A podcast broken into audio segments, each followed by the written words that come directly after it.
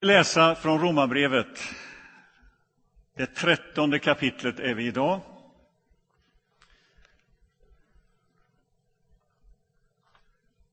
Och det är på sidan 812.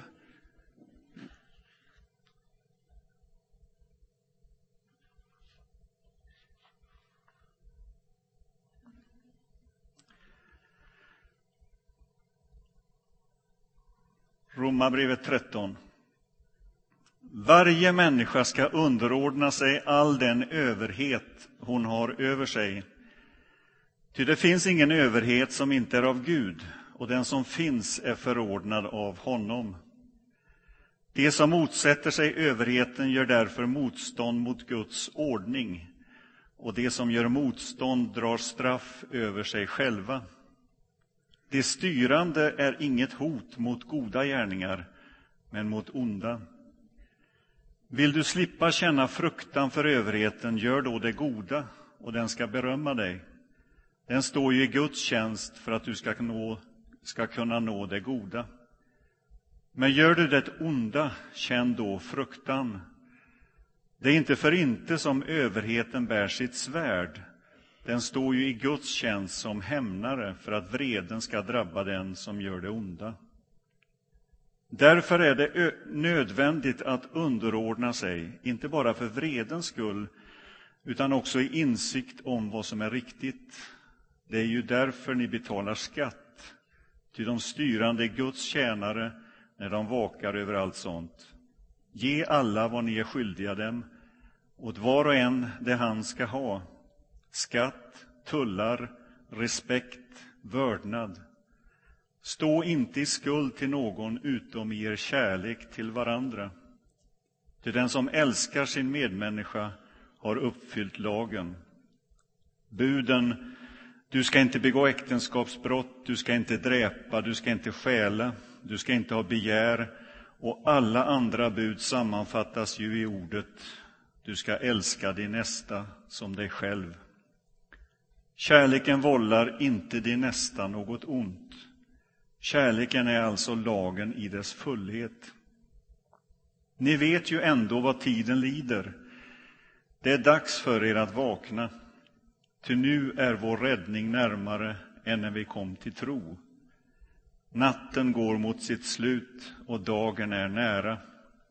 Låt oss då lägga av oss mörkrets gärningar och ta på oss ljusets vapenrust, ljusets rustning. Låt oss leva värdigt som det hör dagen till, inte med festande och drickande, inte med otukt och orgier, inte med strider och avund. Nej, ikläd er Herren Jesus Kristus och ha inte så mycket omsorg om det jordiska att begären väcks.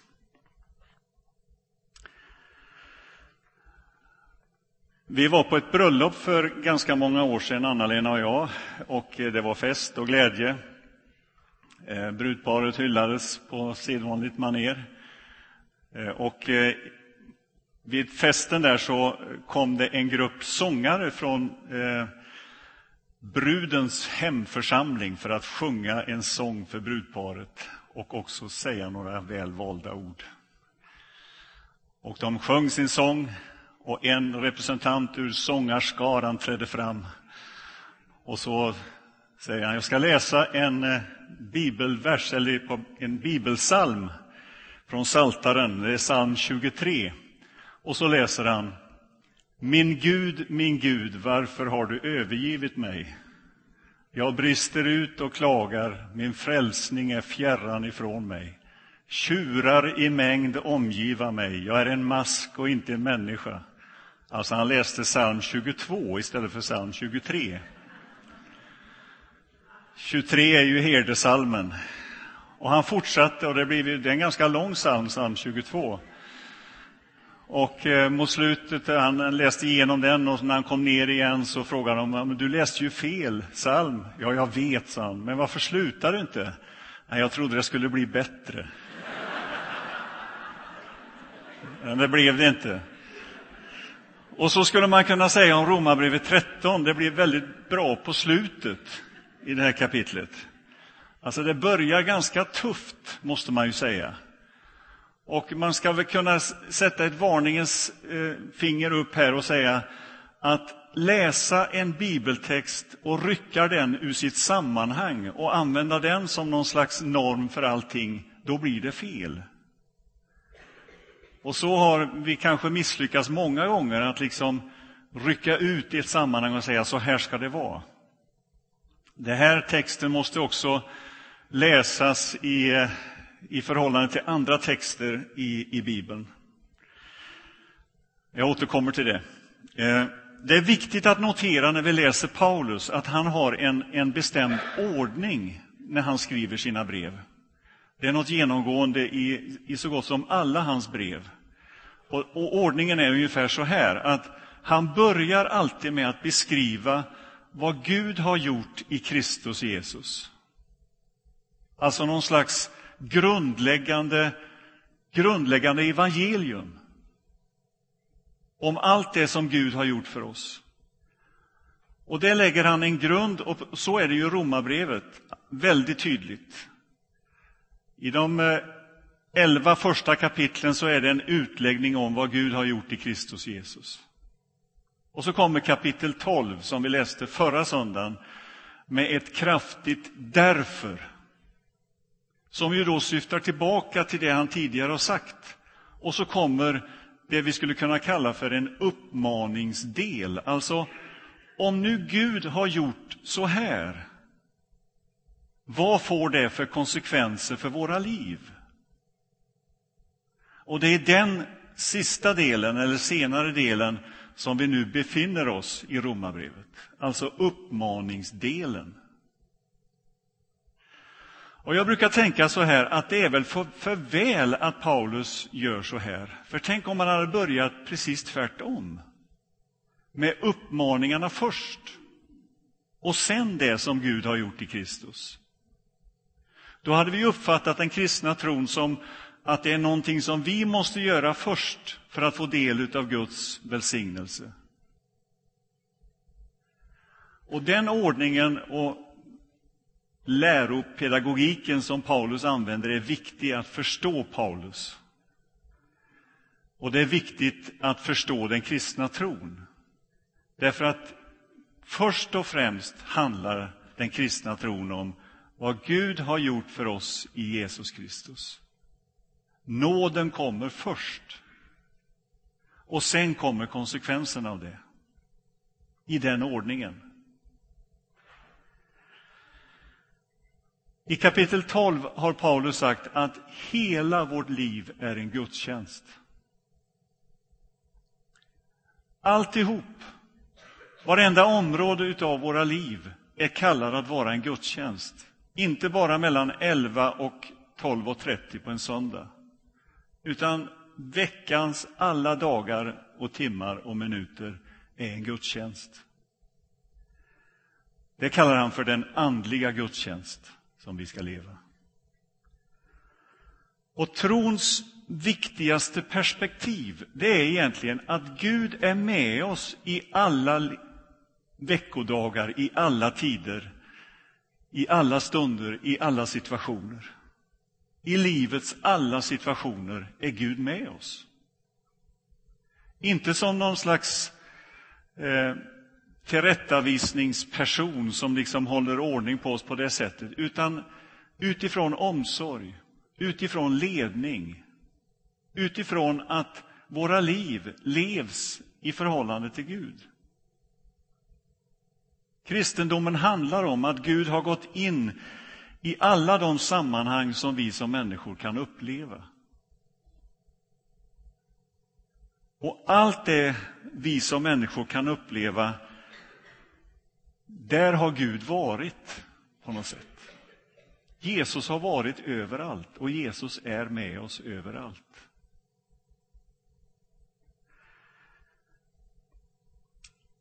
Och med det som en, en, en slags utgångspunkt så, så dyker vi in i den här texten som vi har läst om överheten.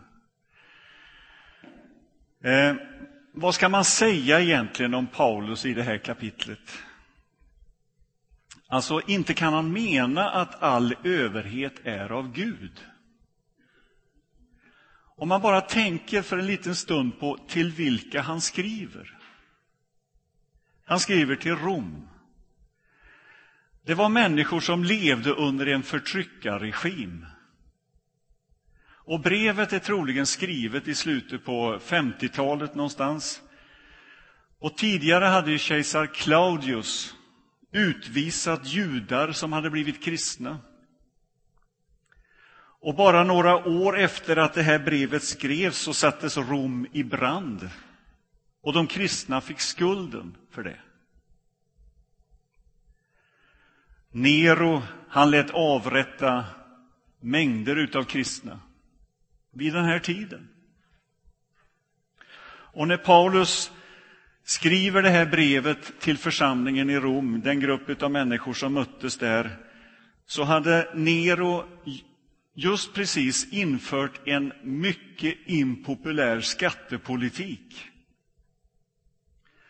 Och den skatten som han eh, krävde, den drev han in med militära medel. Kan Paulus mena att det är av Gud? Eller om vi skulle kunna ta mängder av exempel från historien där eh, människor har levt under förtryck, under lidande och vi behöver bara titta ut över vår värld idag för att se att så är fallet. Jag tänker till exempel på Dietrich Bonhoeffer, den tyske prästen som på 40-talet blev fängslad för sin tro utav Hitler. Och i krigets slutskede, bara några dagar innan kriget var slut, så blev han avrättad i sitt fängelse där han satt. Skulle han ens tänka tanken att Hitler var insatt av Gud som en överhet? Jag tror att Paulus tänker ungefär så här, att det behövs en ordning i den här världen. En ordning som går igenom alla sektorer av samhället. Regler att följa för att ett samhälle ska kunna fungera. Och syftet för den ordningen är rättvisa, att förhindra anarki, att förhindra kaos, att förhindra korruption, bedrägeri, brott. Till det behövs det lag och ordning. Och förutsättningarna för att den ordningen ska fungera, det är samförstånd, det är ansvarstagande, det är kärleken till nästan, det är medmänsklighet, det är omsorg och det är delaktighet i det som sker. Och poängen i den här texten som Paulus har läst, eller har skrivit, det är ju att det är den praxisen Gud har förordnat, alltså inte dess förvrängning.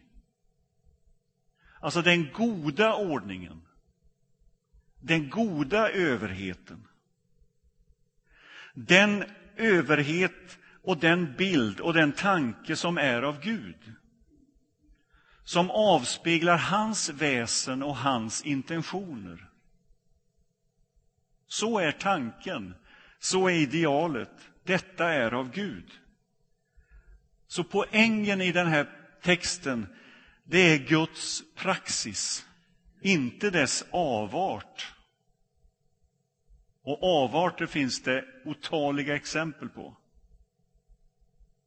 Och därför kan vi också säga att all överhet är inte av Gud.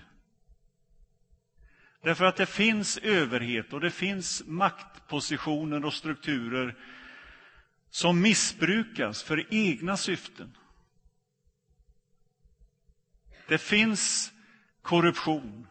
Det finns positioner som utnyttjas för egna syften. Makt är farligt. Överhet, att få en position, innebär en risk. Och det finns otaliga exempel på det. Så varje överhet som inte har kärleken till nästan för ögat är inte av Gud.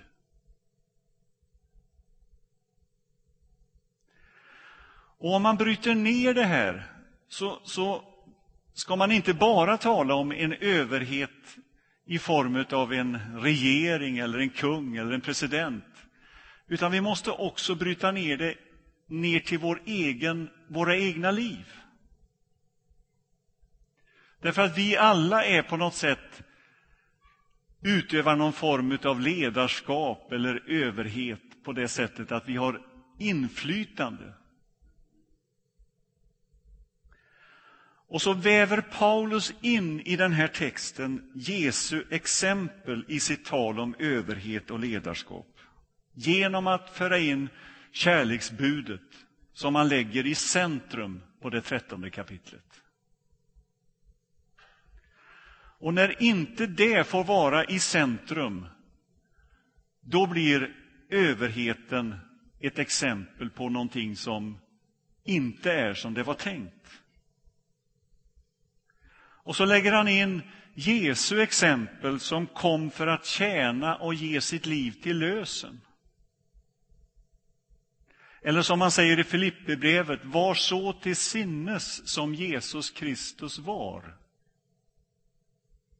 Han som har gått in i alla de sammanhang vi som människor kan uppleva med ett fokus för att tjäna och för att ge sitt liv till lösen. I Nya testamentet ser vi en bild av Gud den allsmäktige, överheternas överhet. En bild av Gud som är ytterst sårbar. En Gud som lämnar de 99 fåren för att leta efter det bortsprungna hundrade fåret. Det som egentligen kanske inte hade tänkt att komma tillbaka. Ett ledarskap som handlar om att minska andra människors osäkerhet, att inte utöva någon slags terror eller någon slags makt som gör att människor förlamas. Ett ledarskap som handlar om att, att tjäna istället för att söka en position.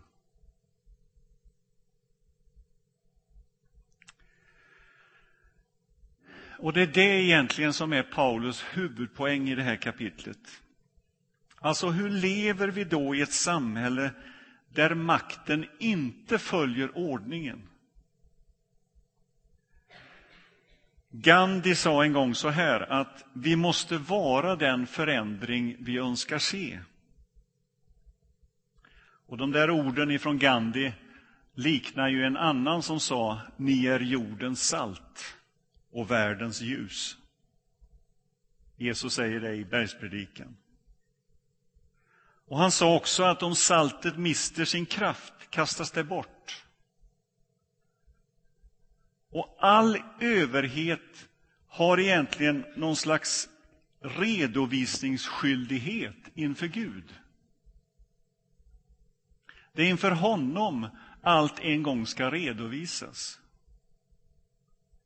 Och domen ska falla över all överhet. Och den sker rättvist. Var så säker på det, att det kommer att ske rättvist. Och det här kastar ju någon slags allvar över oss själva på något sätt. I vilken position vi än har, om det är som pastor i en församling eller i ett annan form av ledarskap. Alltså, hur utövar jag det? Vad är det för intentioner, för motiv?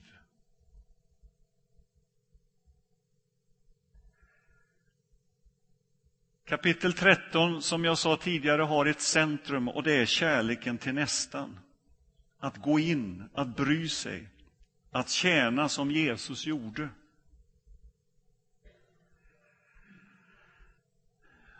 Och Jag tänker avsluta den här predikan med att, att ge er några av de här uppmaningarna som Paulus ändå lyfter fram utifrån detta med att all överhet har redovisningsskyldighet inför Gud. Och så säger han, natten går mot sitt slut och dagen är nära, i vers 12.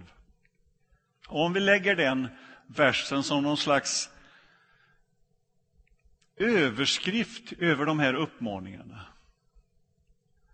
så säger han natten går mot sitt slut och dagen är nära. Alltså, fokuset är mer på vem är det som kommer? Alltså, vad händer, vad händer där framme? Inte som någon slags hot, utan som den största av alla befrielser som finns. Den dagen är ett uttryck som finns ofta i Nya testamentet. Dagen är nära. Och med det menas att den dag när Gud ska döma den här världen, när Gud som har blivit människa i oss, eller på den här jorden och tjänat oss, gett sitt liv till lösen för oss, när han kommer, han som har visat vad sann överhet är, vad sant ledarskap är.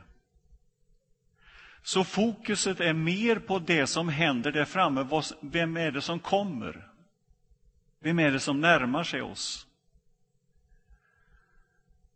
Och det är det som, som ju är Nya testamentets stora anslag på något sätt, och viktiga anslag. Lyft upp era huvuden, se vem som kommer. Och utifrån den här överskriften Natten går mot sitt slut och dagen är nära så får, det, får vi åtminstone fem uppmaningar. Och Den första är Stå i ständig eller alltid i kärleksskuld. Var inte någon skyldiga utom kärlek till varandra, säger Paulus. Alltså stå i ständig kärleksskuld till varandra.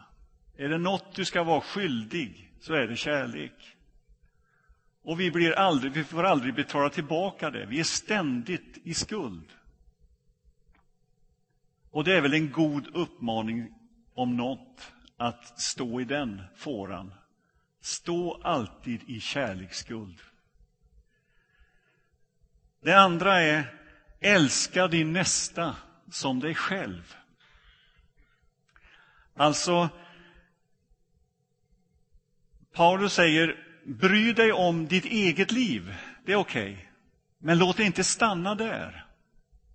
Utan ha också något som ligger utanför din egen ram, ditt eget område.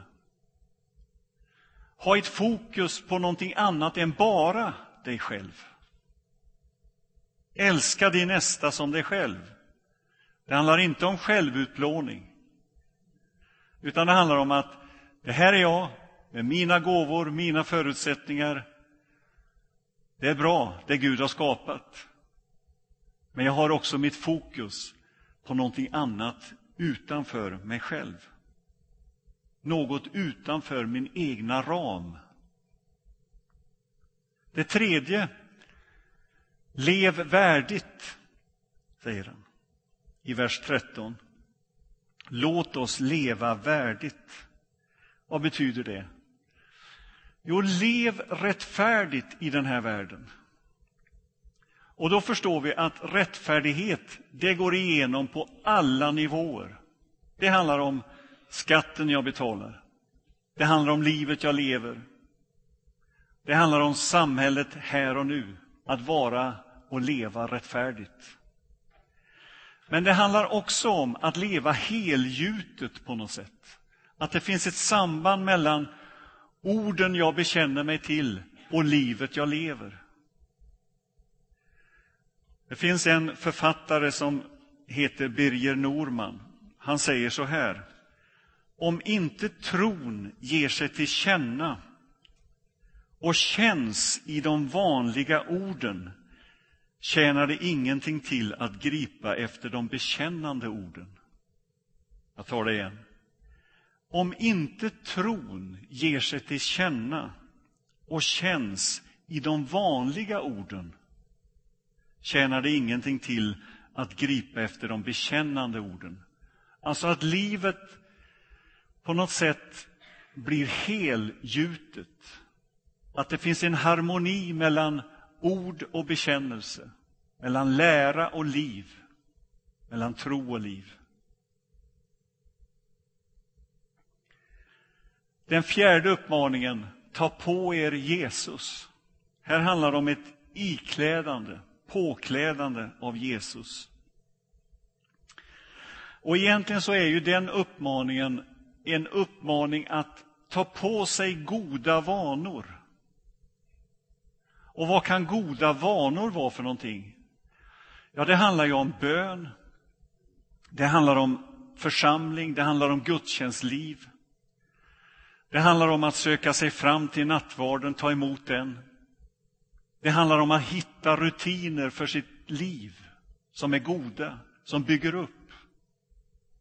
Det handlar om att be för mig i min vardag, i mitt liv, det jag finns i. Att göra sig beroende av andra.